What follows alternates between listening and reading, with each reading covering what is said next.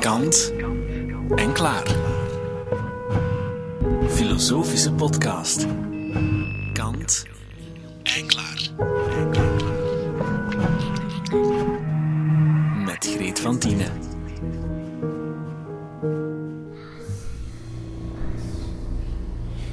Kunt u zich zoiets voorstellen? Een imaginaire ruimte of een bubbel zou je kunnen zeggen, waarin we met mensen zowel uit het verleden als uit het heden zouden kunnen spreken en waar flarde gesprekken voorbij waaien als een verkoelende bries. Historica Sophie de Schaapdrijver vast wel. Zij woont in vele werelden, in Amerika en in Brussel, in heden en verleden, want wat verleden tijd is, is daarom nog niet voorbij. Als historicus heb ik, heb ik een hoofd vol uh, volstrekt irrelevante feiten. Dat, en, en, ik hou dat ook graag zo. Want ik vind die, die, al die dingetjes die ik dan weet, um, ik verbind die niet allemaal tot één theorie en dat, zal, dat ben ik ook niet van plan. Maar die dingen op zich, die, die brengen iets bij. Die spreken. Ja, die spreken. Ik las ergens dat u een motto hebt. Ik weet niet of dat, dat nog altijd zo is. Een van uh, een Nabokov. Alles is zoals het moet zijn. Niets zal ooit veranderen. Niemand gaat dood. Ja. Voor een historica is dat een fantastisch motto, vind ja, ik. Hè? Omdat je alles, uh, alles lijkt weer te keren. De mogelijkheid is dat alles weerkeert. Ja, ja iedereen ja, is weer levend. En mm -hmm. uh, ja, ik, uh, ik denk dat ik misschien daardoor historicus ben geworden. Ja? Omdat voor een historicus is niemand dood. Dat is uh, heel plezierig. Ja. En uh, ja, die eeuwigdurende veranderingen, dat mensen dan verdwijnen, uh, ik, heb daar, uh, ja, ik heb daar iets tegen. Ik vind dat dat niet zou moeten mag. Het vergelijden van de tijd ja. en het weggaan van de mensen. Ja, ja, ja. Ik begrijp niet waar, wat mensen hebben tegen stasis. echt waar. Ik vind verandering zwaar overroepen. Gewoon het idee van ergens bestaat die wereld nog en je zou een deur kunnen opendoen en dan stap je daar weer binnen. En niet dat dat een perfecte wereld was, absoluut niet. Maar die is er, niets verdwijnt. Welkom in deze filosofische machine, die aangedreven wordt door de vier hoofdvragen van de filosofie, zoals de 18e-eeuwse denker Immanuel Kant die voor ons uittekende. Wat kan ik weten? Wat moet ik doen? Wat kan ik hopen? En wat is de mens? Sophie de Schaapdrijver voelt zich vooral aangesproken door die vraag naar wat we moeten doen. Niet zo simpel als het lijkt, en toch heel belangrijk. Kant schreef ooit dat onze aard kan beschreven worden als die van bedrijvige stupiditeit. We hebben die vraag naar wat we moeten doen dus nodig om in het rad van dat bijna dwangmatige voordoen te gooien. Ja, wat moet ik doen? Dat, ik vind dat de verschrikkelijkste van alle vragen. Want, want dat opent, om te beginnen, opent dat onmiddellijk een hele serie andere vragen. Wat moet ik doen? Voor wat? Om te beginnen, voor wie? Dus die vraag is zo overweldigend en kan dermate leiden tot, tot onbeweeglijkheid, omdat je er geen antwoord op hebt. Het verlamt je. Het verlamt. En um, één ding, denk ik, eh, staat wel vast: dat, het, dat mensen het nodig hebben om, om voor zichzelf een antwoord te formuleren op die vraag. Mm -hmm. ook, ook mensen die, die bezig zijn met het naakte overleven. Het naakte overleven is nooit het naakte overleven. Dus de vraag, wat moet ik doen? Die stelt zich voor iedereen. En um, voor, voor mij is het zo dat voor zover de kreet identiteit al iets betekent, en ik weet echt niet wat identiteit betekent, maar voor zover het iets betekent, betekent het dat, dat je uh, voor jezelf uh, en of degene rondom je uh, een antwoord op die vraag hebt weten te formuleren, of dat je kan verzoenen met het antwoord dat voor jou al is geformuleerd. Um, en ik denk dat daar de grote kracht ligt van, van collectieven, ehm, van geloofsgemeenschappen, van, van vaderlandslievendheden, uh, van ideologieën, ehm, is dat ze een antwoord leveren Mhm. op die vraag. Een kant en klaar. Ja. Dus als, als je je kan vinden in de maatschappij en de cultuur zoals ze is, dan heb je al een voorgeprogrammeerd antwoord.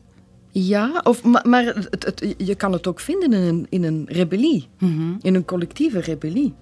Je kan het vinden in, in, ja, en dat hebben we in de geschiedenis vaak gezien, in, in revolutionaire samenzweringen. Dus dat, daar kan je het ook allemaal in vinden, want het antwoord is dan duidelijk. Je staat 's ochtends op en de vraag, wat moet ik doen, eh, die, is al, die is al beantwoord. Voor jou. Ja, maar het, het voordeel daarvan is, eh, gezien die vraag is beantwoord, is ook meteen de vraag naar je eigen nut al beantwoord. Van, wat moet ik doen? Ja, dit, dat, zus en zo. eh, maar tegelijkertijd weet je dat je nuttig bent, dat je iets bijdraagt. Dat, dat heeft eigenlijk...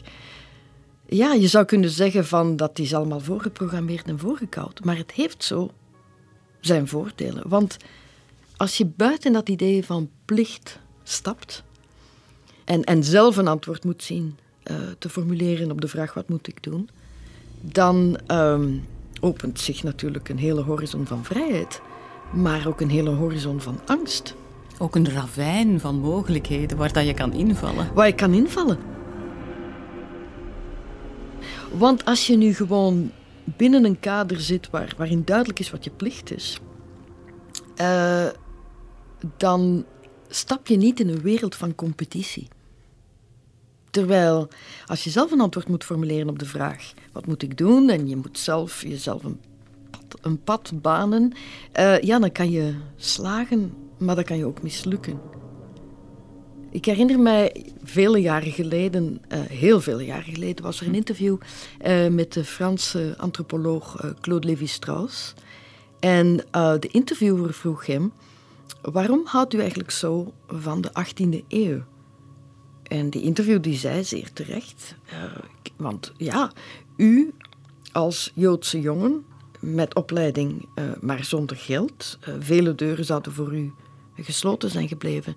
En toen zei Levi Strauss, ja, dat is wel zo, maar ja, dat was dan ook duidelijk. Dat was wel zo rustig geweest. Dan, dan hoefde ik ook niet te slagen. Dan hoefde ik ook niet eh, aristocraat of zo te worden. Want ja, dat was sowieso onmogelijk. Dus dan lag het ook niet aan mij. Dus dat bood dan een zekere rust en zelfs een zekere vrijheid, zei Levi Strauss. En eh, natuurlijk meende hij dat maar half, want zoals we allemaal weten was hij een zeer eerzuchtig man. Maar tegelijk was het niet gewoon frivol wat hij zei. Er, er zit wel degelijk iets in. Van als je buiten die eh, plicht stapt, ja, dan moet je het ook helemaal zelf. En dat, ja, dat, dat schept angst. En ik weet niet of dat eh, voor iedereen. eh, Nee, ik, ik weet niet of dat, of dat een, een beginsel is dat we allemaal moeten omhelzen. Van iedereen zoekt het maar zelf uit. Dat klopt trouwens in de praktijk eigenlijk helemaal niet. In de praktijk liggen veel dingen al vast. En de vrijheid ligt er dan juist in om, om binnen dat kader voor jezelf te vinden waar je mee kan leven, waar je niet mee kan leven. Een, een, een, een laten we zeggen, ehm, een instrumentarium te ontwikkelen van, van beginsels, van principes, ook van kundes. Claude Lévi-Strauss werd in een interview in 1972 gevraagd waarom hij voor de studie van filosofie had gekozen. Je pourrais dire que c'est un certain goût pour les, pour euh, les idées.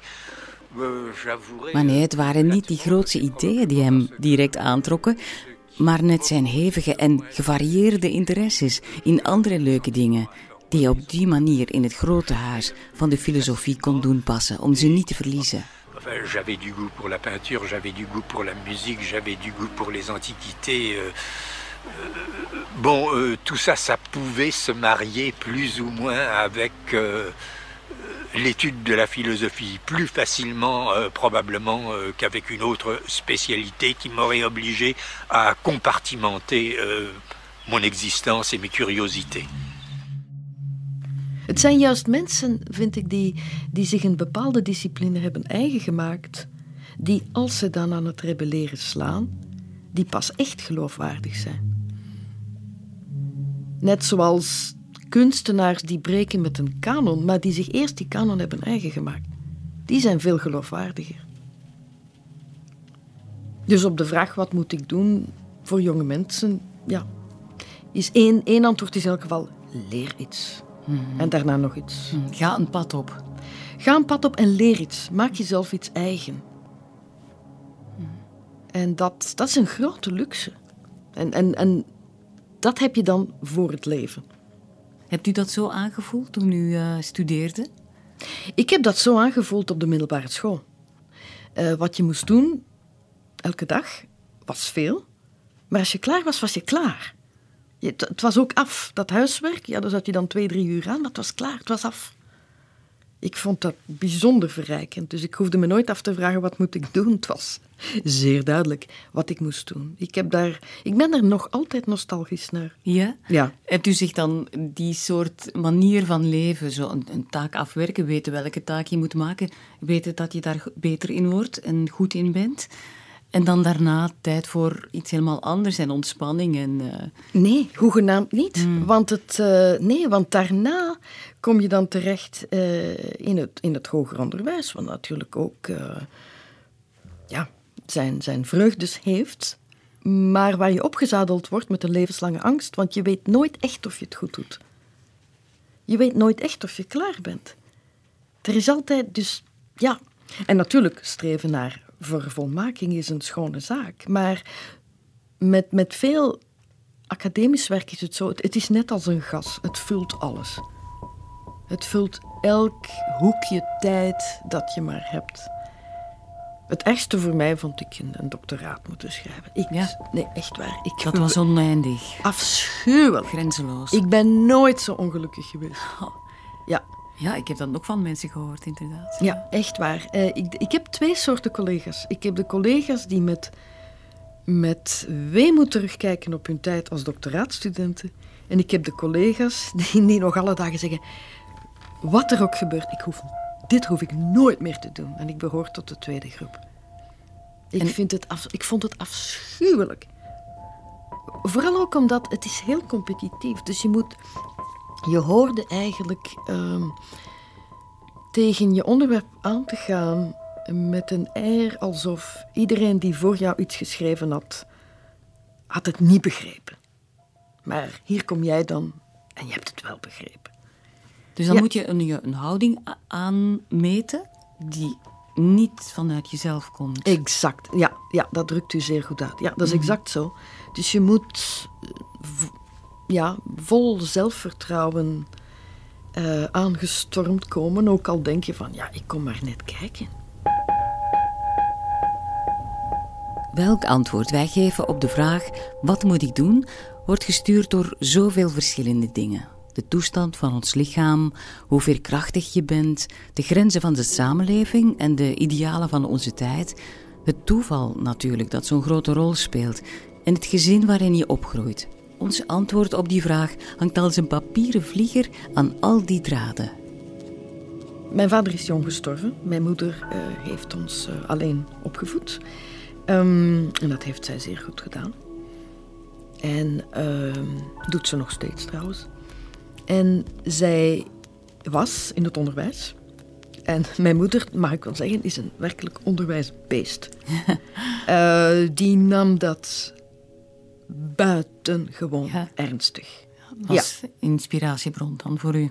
Ja, volstrekt. Dat was echt iemand die, ja, die stapte een, een lokaal binnen. En, en het feit dat je dan, dus in, zij, zij gaf les in het, in het hoger onderwijs, het feit dat je dan uh, ja, al die jonge mensen voor je hebt, die, zijn, die, zullen, die zullen nooit meer twintig jaar zijn. Die zijn maar één keer twintig jaar.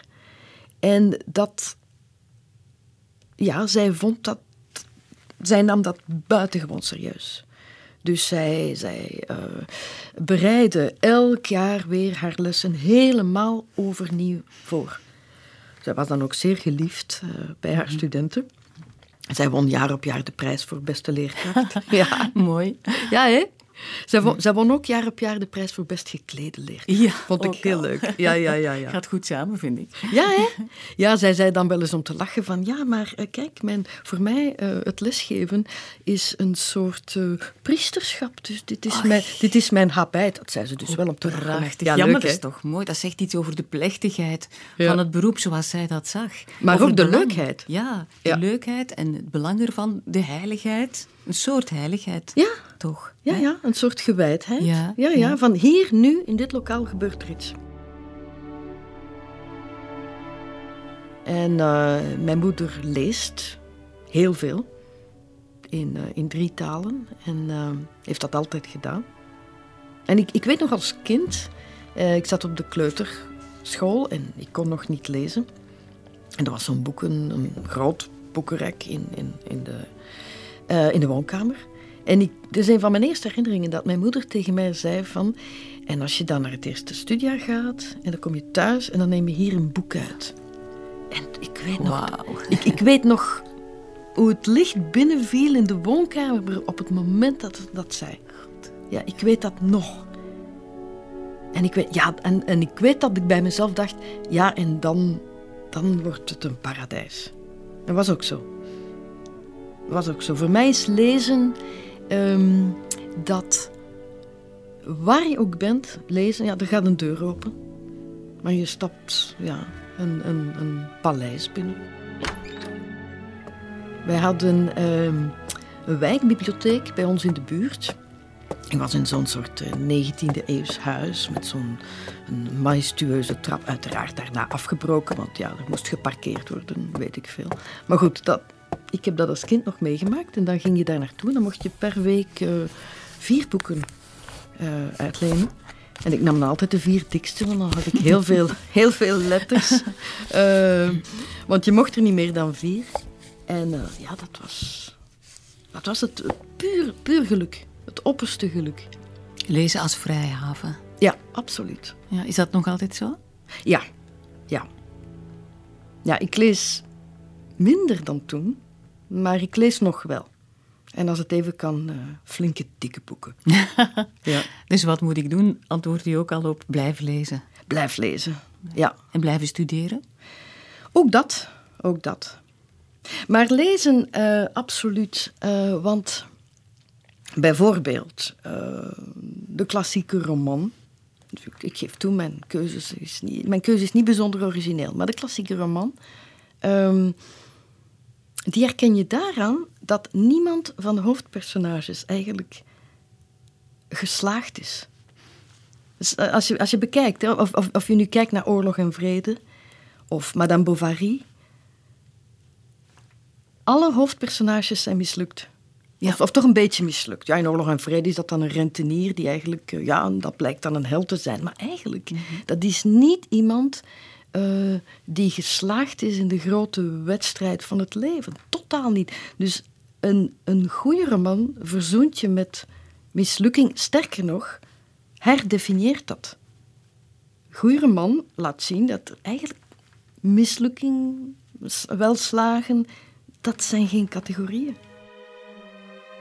Misschien is elk boek dat je openklapt wel een nieuwe wereld waar je kan instappen. Zoals Alice door de spiegel heen plots in een parallel universum terechtkwam. Ruimte en tijd on hold gezet door verhalen en verbeelding. Kitty, kitty, come on. Let's look in the looking glass. Now, come on, kitty. At least try. There's the looking glass, and here we are staring into it. See? Now, kitty, stop struggling. Careful, careful now. Ah! I, I've gone through the looking glass. I went straight through it. I'm sorry. It just happened. But it is interesting, isn't it? Going through the looking glass? Interesting, but very strange. Eigenlijk, eh, mijn parallele universum, en dat had ik al als kind, is dat er ergens in mijn kamer een deur is. Niemand weet dat, behalve ik natuurlijk. En dan, achter, dan doe ik die deur open en daarachter is een reusachtige bibliotheek. Dat is mijn parallel universum. Dit was de laatste aflevering van deze reeks van Kant en Klaar, waarin Sophie de Schaapdrijver ons aanmaant om ons niet te laten verlammen door die vraag: wat moet ik doen? We kunnen alleen maar proberen ons eigen antwoord te formuleren binnen de grenzen van het mogelijke, met de hulp van onze verbeelding en kennis en de verhalen uit het verleden. Intussen blijft onze deur op een kier staan voor denkers en schrijvers die we graag een volgende keer ontvangen in het Kanthuis. Blijf denken en blijf gezond. Heel graag tot dan. U luisterde naar Kant en Klaar. Een productie van Clara. Kant en Klaar. U kunt alle afleveringen herbeluisteren via clara.be of via een abonnement op de podcast. Reageren kan via kant.clara.be.